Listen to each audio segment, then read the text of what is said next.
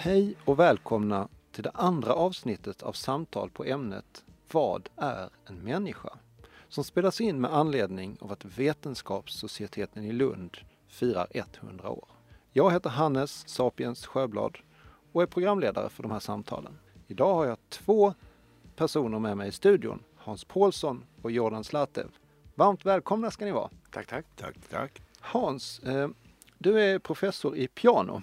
Ja, alltså ska jag beskriva vad jag är eh, som människa så är det primärt musiker. Jag tycker musiker det är det övergripande. Sen är jag pianist eftersom mitt specialområde inom musiken är pianospel. Och eh, jag har konstaterat oerhört mycket i eh, så fruktansvärt länge. Sen mitten av 60-talet har jag rest runt och spelat piano. Och eh, så har jag också under tiden eh, sedan 1979 undervisat på Musikhögskolan i Malmö. Och Musikhögskolan är ju en del av den konstnärliga fakulteten vid universitetet i Lund. Och eh, sedan 87 är jag professor i det här ämnet, specialämnet med piano. Och eh, jag, jag betonar det här med musiker för att jag tycker det är så torftigt med bara liksom specialisera sig på piano. För många tror ju att det har någonting att göra med att mekaniskt utföra vissa akrobatiska konster vid en tang tangentbord. Men det är ju mycket mer än så. Att vara skådespelare är inte bara att träna sin röst. Tack för förklaringen. Jag vill också passa på att fråga dig Hans. Vi befinner oss just nu hösten år 2020. Vad sysselsätter dina tankar mest just nu? Vad tycker du är spännande just nu? Ja, det spänn mest spännande är ju om det kommer att eh, lossna när det gäller det som är den stora viktiga delen av mitt yrkesliv. Den stora viktiga delen är naturligtvis familj och människor. Men den viktiga delen att få spela och möta människor i en publik. Det är ju det som jag spekulerar över. För att det sista halvåret har, har jag i praktiken nästan inte haft någon konsert. Allt är uppskjutet, allt är flyttat på framtiden. Nu är det vissa konserter som planeras den närmaste tiden, en och annan med högst 50 i salongen. Eh, men ehm, det var ett konserthus i Västerås där hade de satt krukväxter i hela publiken istället för att det skulle bli en publik. Ja, det är kanske, de kanske lyssnar väl så bra som många andra som går på konsert. Ja, vi vet ju inte det, men, ehm, men det är ju väldigt tråkigt för alla artister och musiker att inte kunna just ordet människa, möta människa. Man spelar ju för en människa. Man spelar ju inte bara för en, inte ens för en växt utan man, eller en tom stol. Så är det idag. Tack för den observationen. Jordan, du är eh, professor i allmän språkvetenskap. Eh, kan du berätta lite om vad du forskar om? Ja, jag fick den här stolta titeln 2012, um, ehm, professor i allmän språkvetenskap. Men, uh, och jag är lingvist i början. Jag disputerade i Stockholm 97, kom själv till Sverige 86, så jag fick lära mig svenska som alla andra. Uh, men um, jag kan också säga att, att jag har alltid från första början varit otillfredsställd med språket. Jag tycker att uh, enkelt uttryckt språket är något överskattat. Hur då? Språket är kanske vår viktigaste kommunikationsmedel, men vi använder så många andra. Musik? Exempelvis. Vi gestikulerar, vi avbildar. Vi använder alla dessa olika kombinationer. Och vi använder dem inte bara för att kommunicera utan också för att tänka, mm. för att bli. Så uh, de senaste 20 åren har jag samarbetat med kognitionsvetare som Peter Järnfors nämndes här, uh, här i Lund Eh, Eh, men också semiotiker. Det är en mindre känt fält i, i Sverige. Alltså det är vetenskapen om betydelse och mening. Umberto Eco, eh, som avled för ett par år sedan, är en kändis i semiotiken. Så tillsammans skapade vi de senaste tio åren ett nytt område som heter eh, kognitiv semiotik. Så det är verkligen en hybrid av lingvistik, kognitionsvetenskap och semiotik. Och som vi praktiserade här i Lund så använder vi oss av fenomenologin. Ett svårt ord till, men Husserl känner folk till, eh, med Loponti, den franske filosofen, är våra stjärnor. Och med deras hjälp försöker vi få ihop de här olika vetenskaperna ihop i någonting eh, koherent och ställa just sådana frågor som vad är en människa? Ja, det är det vi i alla fall ska göra ett tappert försök att få lite klarhet i idag. Mm. Eller i alla fall vägen dit kanske. Tack för introduktionen. Som vi, vi alla vet så ämnet för vårt samtal är Vad är en människa? Och I tidigare avsnitt i den här lilla inspelningsserien så har vi pratat om människans biologi och genetik och vad som skiljer oss från andra arter. Till exempel vad gäller kognition men också andra aspekter. Och en av insikterna från den konversationen är ju att gränserna inte är särskilt knivskarpa utan ofta ganska gradvisa. Men jag hoppas att i det här sällskapet så kan vi ta frågan från ett annat håll. Jag kanske ska börja med att kasta frågan rakt ut. Till, kanske till dig först Jordan. Vad är en människa? Ja, eh, det här kommer inte helt oförberett. Så eh, i Merleau-Ponty ande skulle jag säga att människan är en paradoxal varelse som är både en inneboende del av naturen men ändå den enda varelsen på, den, på vår planet som blickar tillbaka mot naturen. Så jag skulle hävda att vi skiljer oss radikalt från andra levande varelser på vår planet. Vi har en form av intentionalitet, också ett term från fenomenologin, som skiljer sig från alla andra varelser. Så vi är de enda den, eh, varelsen som kan reflektera över tillvaron. Vi är Dasein i Heideggers term. Vi är stället där existensen äger rum. I våra medvetanden? Nej, i världen som sådan. Vi är inte stängda i våra medvetanden. Det är, det är missuppfattning. Det är en slags uh, en, en motsatta sidan av, av övertro på neurovetenskapen. Om du tror alldeles för mycket på neurovetenskapen kan du vända den mot naturen och säga vi är stängda i våra hjärnor. Vi är brain in a vat. Men det är vi inte. Vad fenomenologin lär oss att vi är öppna till världen. Vi och världen är ett, bara att vi är ett speciell, mycket speciell del av världen. Mycket vackert sammanfattat, tack. Eh, jag vänder mig till dig Hans. Vad, vad är ditt svar på den här inledande ja, frågan? Jag tycker det var ett utmärkt svar och utifrån, ska vi säga, varelsen människan. Jag tänkte plötsligt här att eh, man kan nästan fråga sig när det gäller vad är en människa om man menar varelsen i allmänhet eller om man menar vad en människa kan skapa och göra. På lite om man frågar sig, jag är intresserad av Rembrandt. Eh, menar jag att jag är intresserad av Rembrandt som människa och hans liv eller är intresserad av verket han har skapat? Eh, det är ju så som du sa också, människan kan skapa de mest otroliga saker. Vi kan med vår hjärna resa ut i oändligheten. Vi kan gå in i djupet, allting. Och människan är en tickande bomb som skapar sina egna förstörelsevapen och, och alla sådana saker.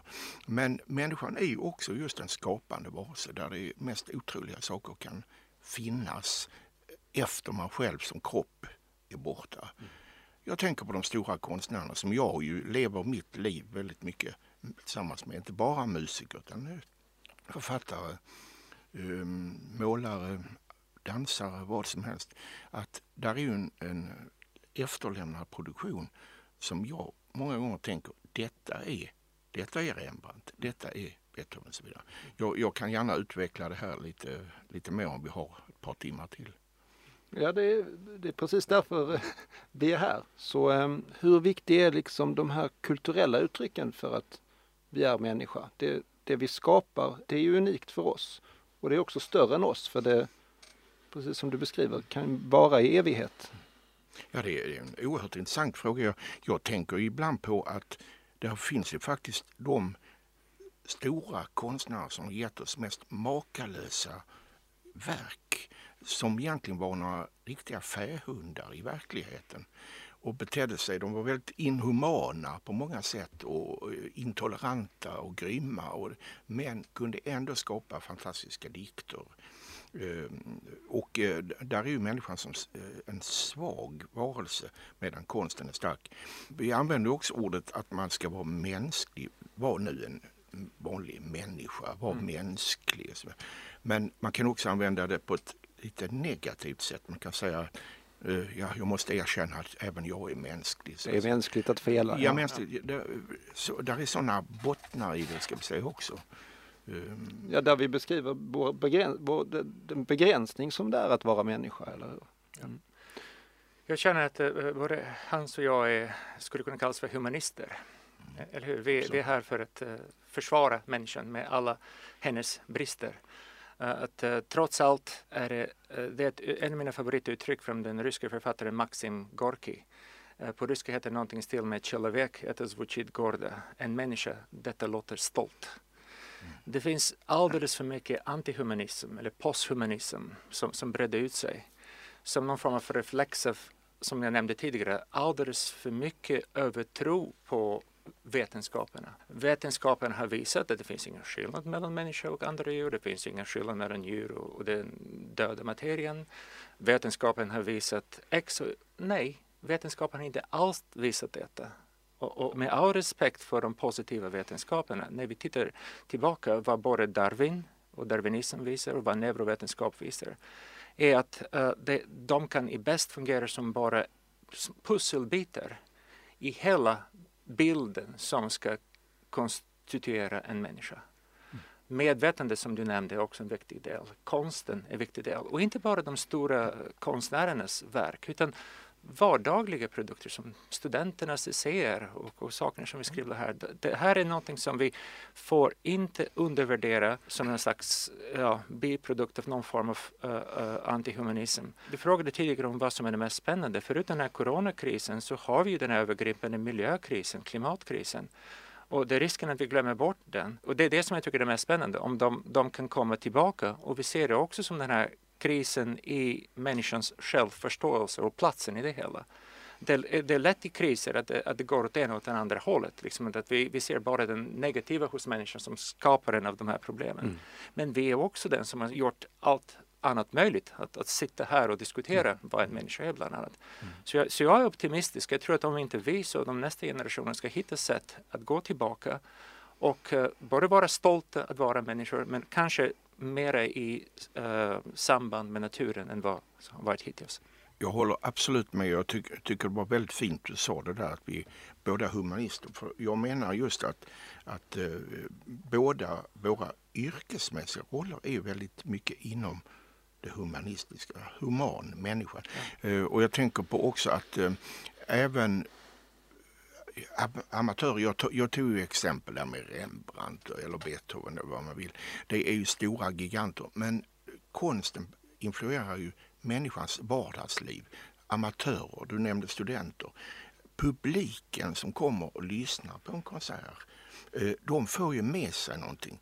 Jag har mycket svårt att tro, jag är, jag är en sorts må hända misantropisk utopist, men jag är i alla fall utopist. Jag tror inte att en människa som går och hör på, lyssnar på Brahms tredje symfoni i ett konserthus på vägen hem passar på att slå en gammal tant i huvudet och stjäla hennes handväska. Jag tror på något, att det är någon sorts budskap i konst och att man utövar det som, mm. som gör oss ännu mer humana. Och jag menar i detta också ett positivt tänkande kring människan och hjärnan, kognition, vad man vill. Eh, jag tror att ehm, eh, om man kan lyfta sig lite från sitt ego, detta ego som är ju alla talar om är så typiskt för vår tid. Om man lyfter lite, vidga blicken, eh, hitta andra personer och vända sig till. Med, det där, jag kommer tillbaks till det som vi pratade om med coronan, att det är liksom på något sätt det är inte meningslöst men det är en del av meningen med musiken är ju att man ska nå andra människor. Mm. Det, kan vi prata om människokärleken här? Alltså kärleken till andra människor eller, och till, till sig själv och till det människor skapar som också någonting som definierar oss. Du är inne på empati. Uh, ja. Eller, eller, ja. ja. Jag har du nämnde att, att eh, gränserna till andra arter eh, i vissa fall kan vara svåra att, att uh, bestämma. Och det är klart det finns någon form av empati hos andra djur mot sina egna i första hand, men det finns i alla fall de här uh, episodiska fallen där barn har ramlat ner bland schimpanser och schimpanser har räddat dem även när de har riskerat sitt eget liv och något annat. Så Deval, en sån forskare som vill gärna visa på den empatiska uh, hos djuren. Så visst, vi ska inte falla i gamla uh, från humanism gå tillbaka till antropocentrism, mm. att vi är kronan på verket och allt annat är liksom ner. Utan, utan ändå skulle jag hålla med uh, att sättet på vilket vi uttrycker vår empati är gränslös jämfört med, med hur andra djur är. Tyvärr går det hand i hand med också hur vi uttrycker den avigsidan av empatin med krig mm. och koncentrationsläger. Ja, tribalism och eh, ingrupp och utgrupper och så som också är en del av vår mentala kod Ja. på vissa sätt. Men låt oss eh, prata om, vad jag är intresserad är också den subjektiva upplevelsen av att vara människa. Eh, om vi liksom känner efter, hur, eh, vad, vad kan vi få ut av den? Du menar hur det känns att vara en människa? Ja. Det, det är en, eh, nog någonting som jag känner mig väldigt kluven inför. Jag är, jag är stolt över att vara, har blivit en människa. Jag menar på något mirakulöst sätt har man ju blivit någonting eh, utan att man liksom kan riktigt, man kan inte förstå hur det har gått till så att säga. När jag var barn, när jag var riktigt liten, kanske fyra år eller fem år, låg jag ofta i sängen och undrade över om jag inte kunde bli någonting annat, bli en annan människa, bli en annan varelse, ett djur till exempel, med min vilja. Men det, det gick ju inte.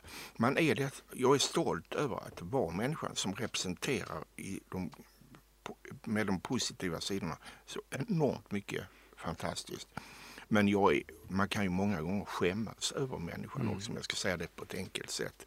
Alltså över eh, brutalitet och och självupptagenhet och, och hänsynslöshet.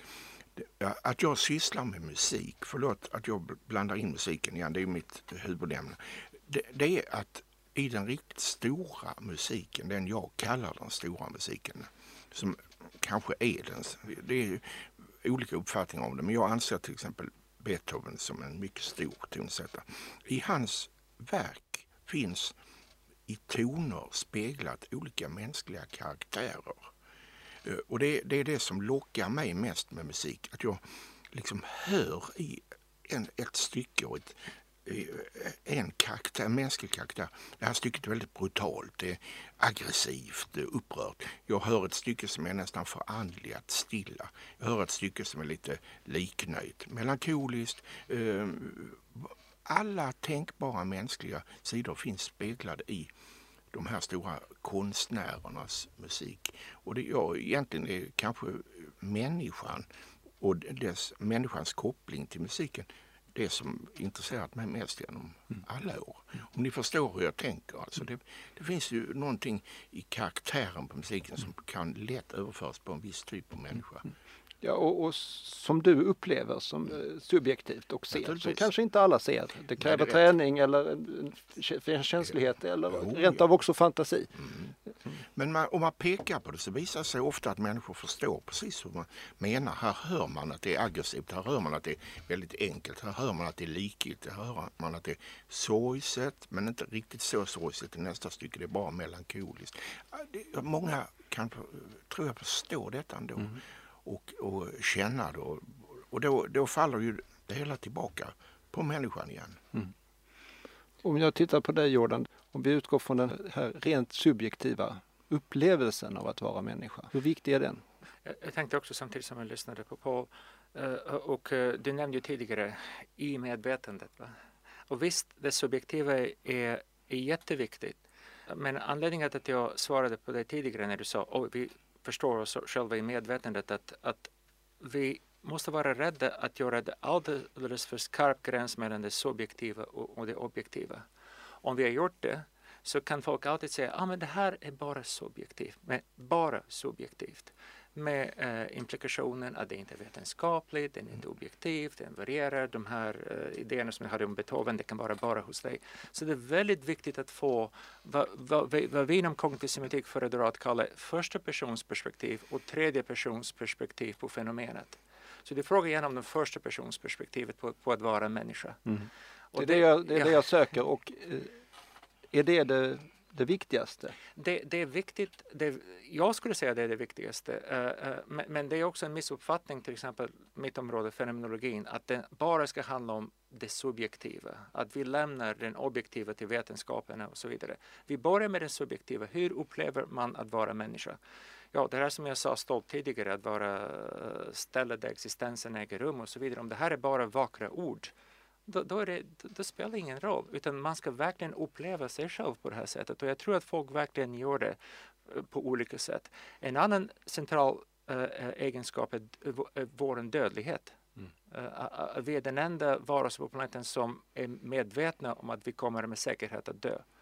Och det är en del av vår upplevelse att vara människa och jag tror att många, det är mer ditt område Paul, att, att, att, det är det som leder oss också till konst. Det är det som leder oss också till skapandet. Medvetandet om att vi har en begränsad tid här på jorden och att vi måste göra det bästa av det mm. kan leda oss till både stordåd och till illdåd. Tvinga oss till stordåd och illdåd. Ja. Mycket skickligt uttryckt. Eh, jag tänkte på det här med eh, vetenskap och konst. Att, eh, att det, det finns ibland en tendens att om vetenskapsmännen söker objektiviteten så är det väldigt fint och, väldigt, och det är det ju också, sanningen och vetenskap. Men att konsten, konstnärerna står för något subjektivt och det är inte så fint, det är lite flummigt och lite osäkert. Men jag är inte så säker på att det nödvändigtvis är på det sättet. För att om man tänk, jag tänker ibland, och jag kanske har fel, men, men jag tänker att om inte den och den vetenskapsmannen hade gjort just den vetenskapliga upptäckten så hade det kanske i tiden funnits andra som hade dragit sina strån till stacken och till slut hade den upptäckten gjorts eller, eller eh, eh, man hade kommit fram till någonting. Om man inte den ene gör det så gör den andra det. Men hur är det med konsten? Om inte Mozart hade skrivit Figaros bröllop, vem skulle ha skrivit den? Om inte Rembrandt hade målat just den tavlan, han skulle då 20 år senare, eller 50 år eller 100 år senare, någon annan målat samma? Det tror jag inte. Så det, är väl, det här subjektiva, det är ju just det väldigt individuella i en människa. Alltså. Ja, det och det som är mer oförutsägbart. För mm. det du beskriver helt riktigt i termer av vetenskap och framförallt teknikutveckling. Eh, vi såg till exempel det Scheele brukar få eh, cred för att det var han som upptäckte syre. Men i själva verket upptäcktes syre fyra gånger året efter av helt separata vetenskapsmän i olika delar av världen. Det ligger väl ofta i tiden? Precis, det, en ny teknik blir tillgänglig, ett nytt mikroskop, en ny eh, kemisk process blir tillgänglig. Och syret fanns där hela tiden och väntade bara på att identifieras. Men det mänskligt skapade eh, som eh, kommer det kreativa och det kulturella, det kan inte beskrivas med samma lagbundenhet. Vi hade möjligen kunnat eh, se att mm, virtuell datorgenererad konst till exempel, det kan vi förutsäga att den kommer att bli mer och mer sofistikerad och likna allt mer vad människor skapar. Men det är ju för att det är tekniken som i så fall driver den. Ja, kommer vi till eh, kreativitet och sen så småningom så, så uh, jag tror vi är också igen på samma linje att uh, det är en sak att simulera konst, kreativitet, insikt, intelligens, you name it. Mm. En annan sak är att förverkliga det, att vara det.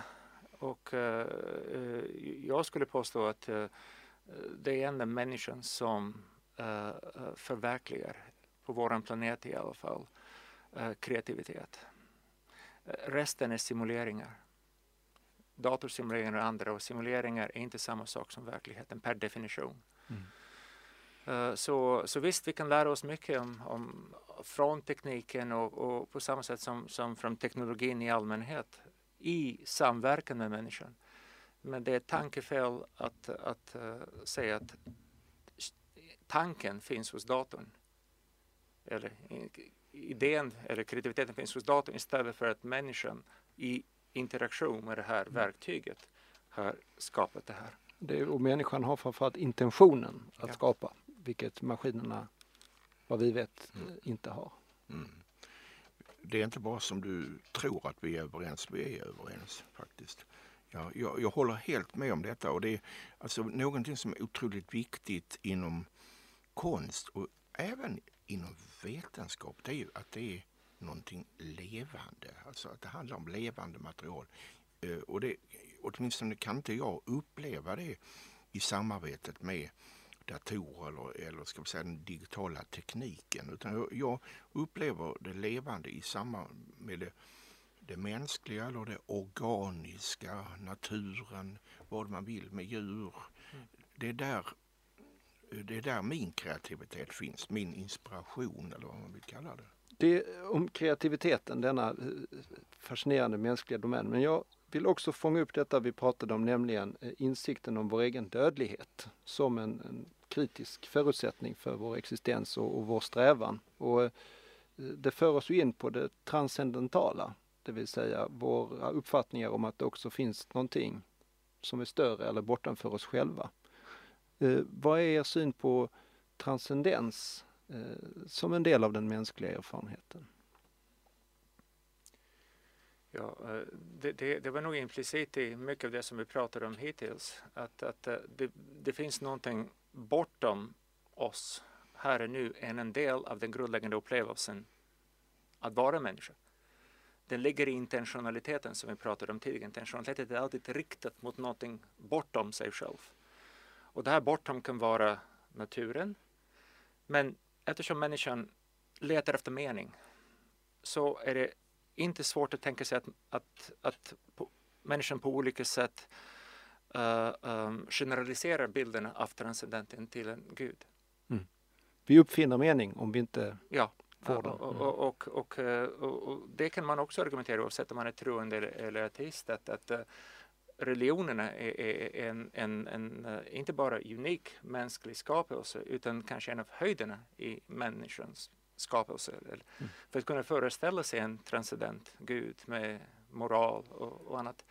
Sen anledningen att, att, att jag nämnde det här från början, att, att bara se på naturen som någonting som, bara någonting som vi utgår ifrån och därmed är större än oss, skulle kunna vara någonting som, som ersätter Gud för många humanister. Mm. Utan att man förfaller i någon form av cynism. Va?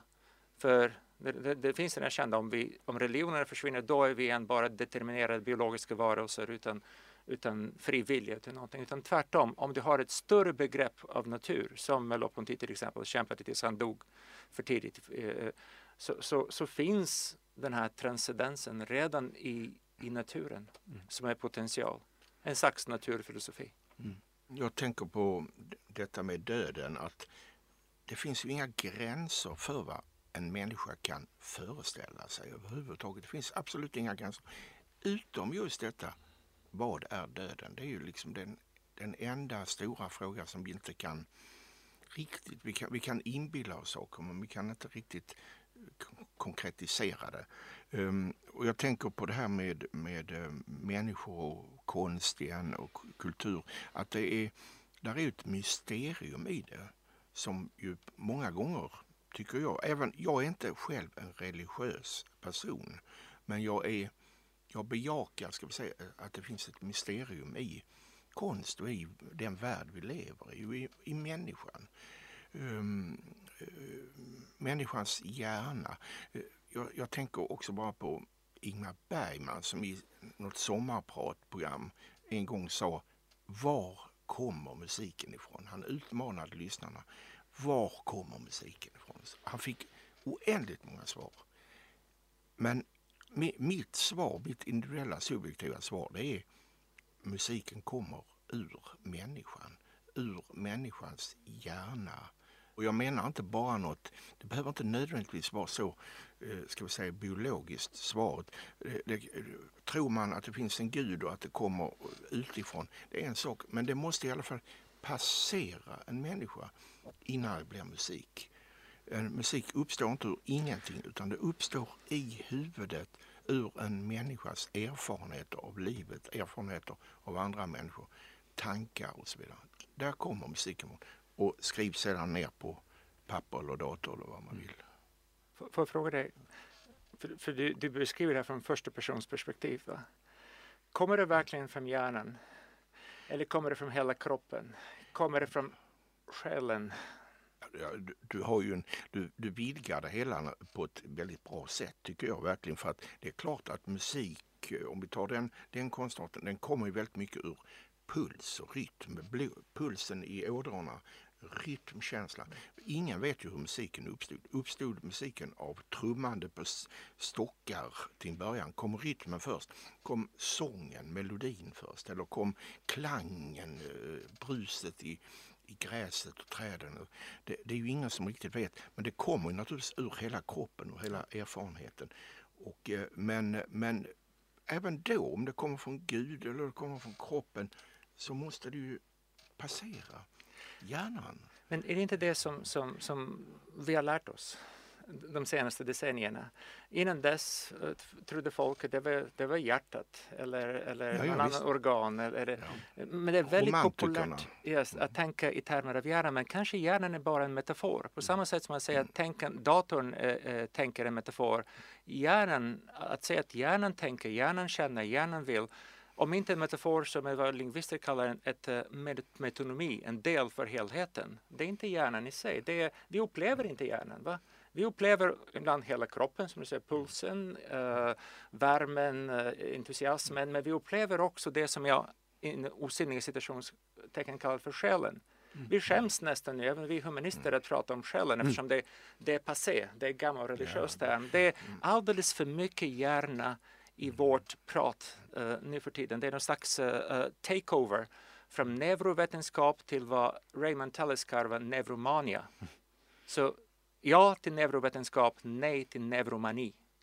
Alltså jag, jag håller fullkomligt med dig. Alltså, egentligen tänker jag med en annan del av mig själv.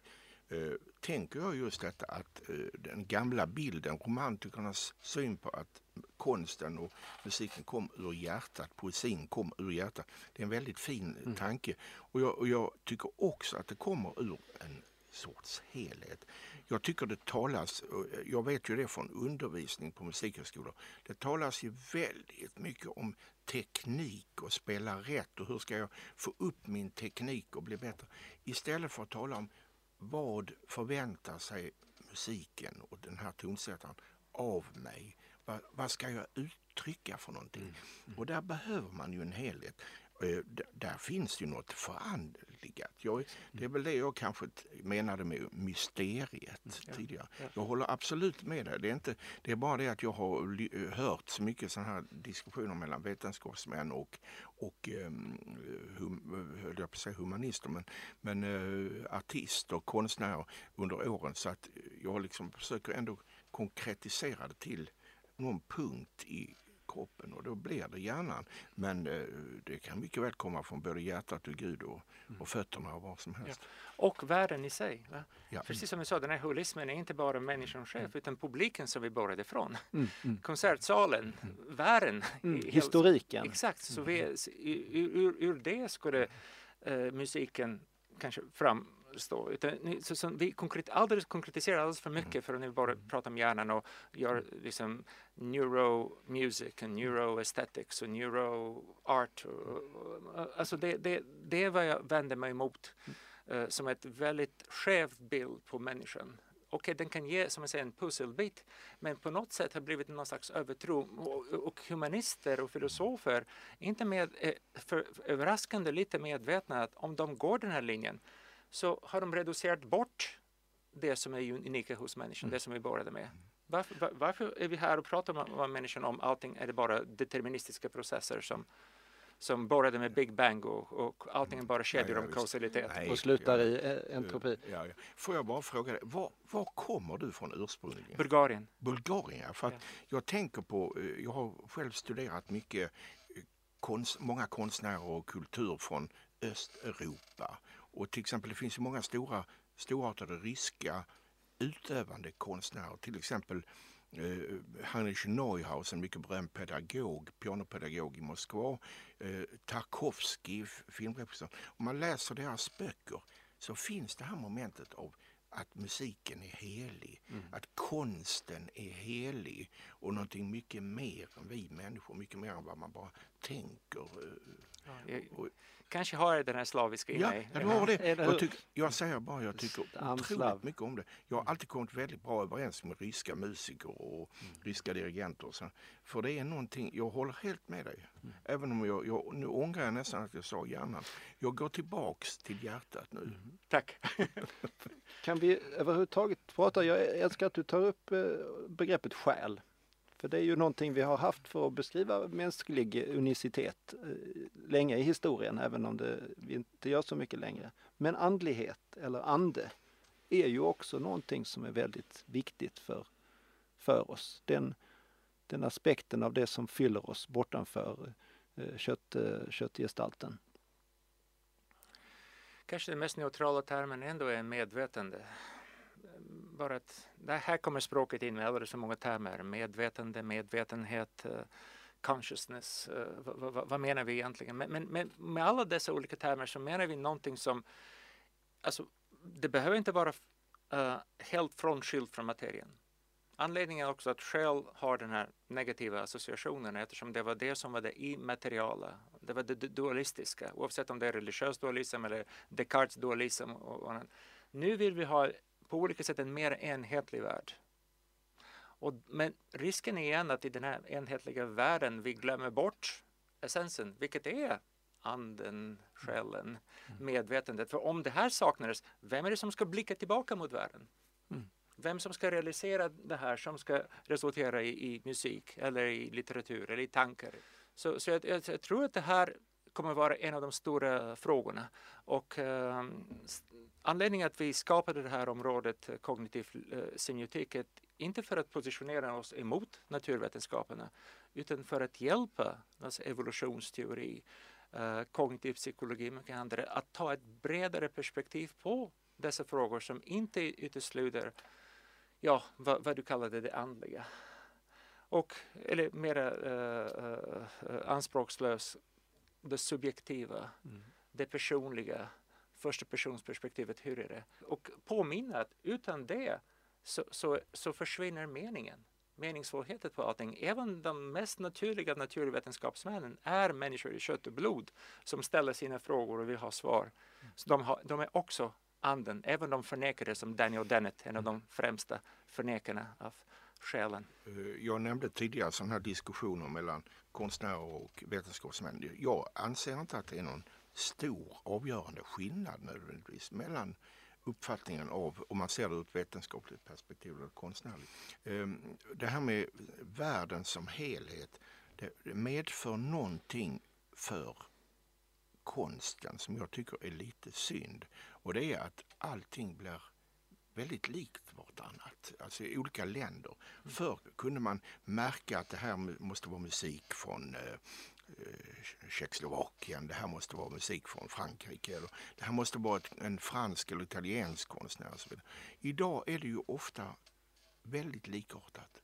Alltså, eh, går du på en utställning i Japan eller i USA eller i Sverige det är liksom samma sorts konst överallt. Lite av det här individuella har ju försvunnit med den här globaliseringen och, och helhetsvärlden. Och det, det, möjligen kan jag tycka det är synd. Vi, vi, är så rädda också för allt det här nationella. Det ska inte finnas någon svensk ton i svensk musik. Det ska inte finnas någon nationell prägel i fransk konst och så vidare. Men eh, lite av det kunde jag ändå pigga upp tycker jag. En eh, fin, tycker jag, mycket mänsklig eh, observation som får avsluta vårt lilla samtal idag. Tack så hemskt mycket Hans och Jordan för att ni har kommit hit och hjälpt oss att försöka kartlägga vad det egentligen är att vara människa. Tack så mycket alla ni som har lyssnat. På återhörande.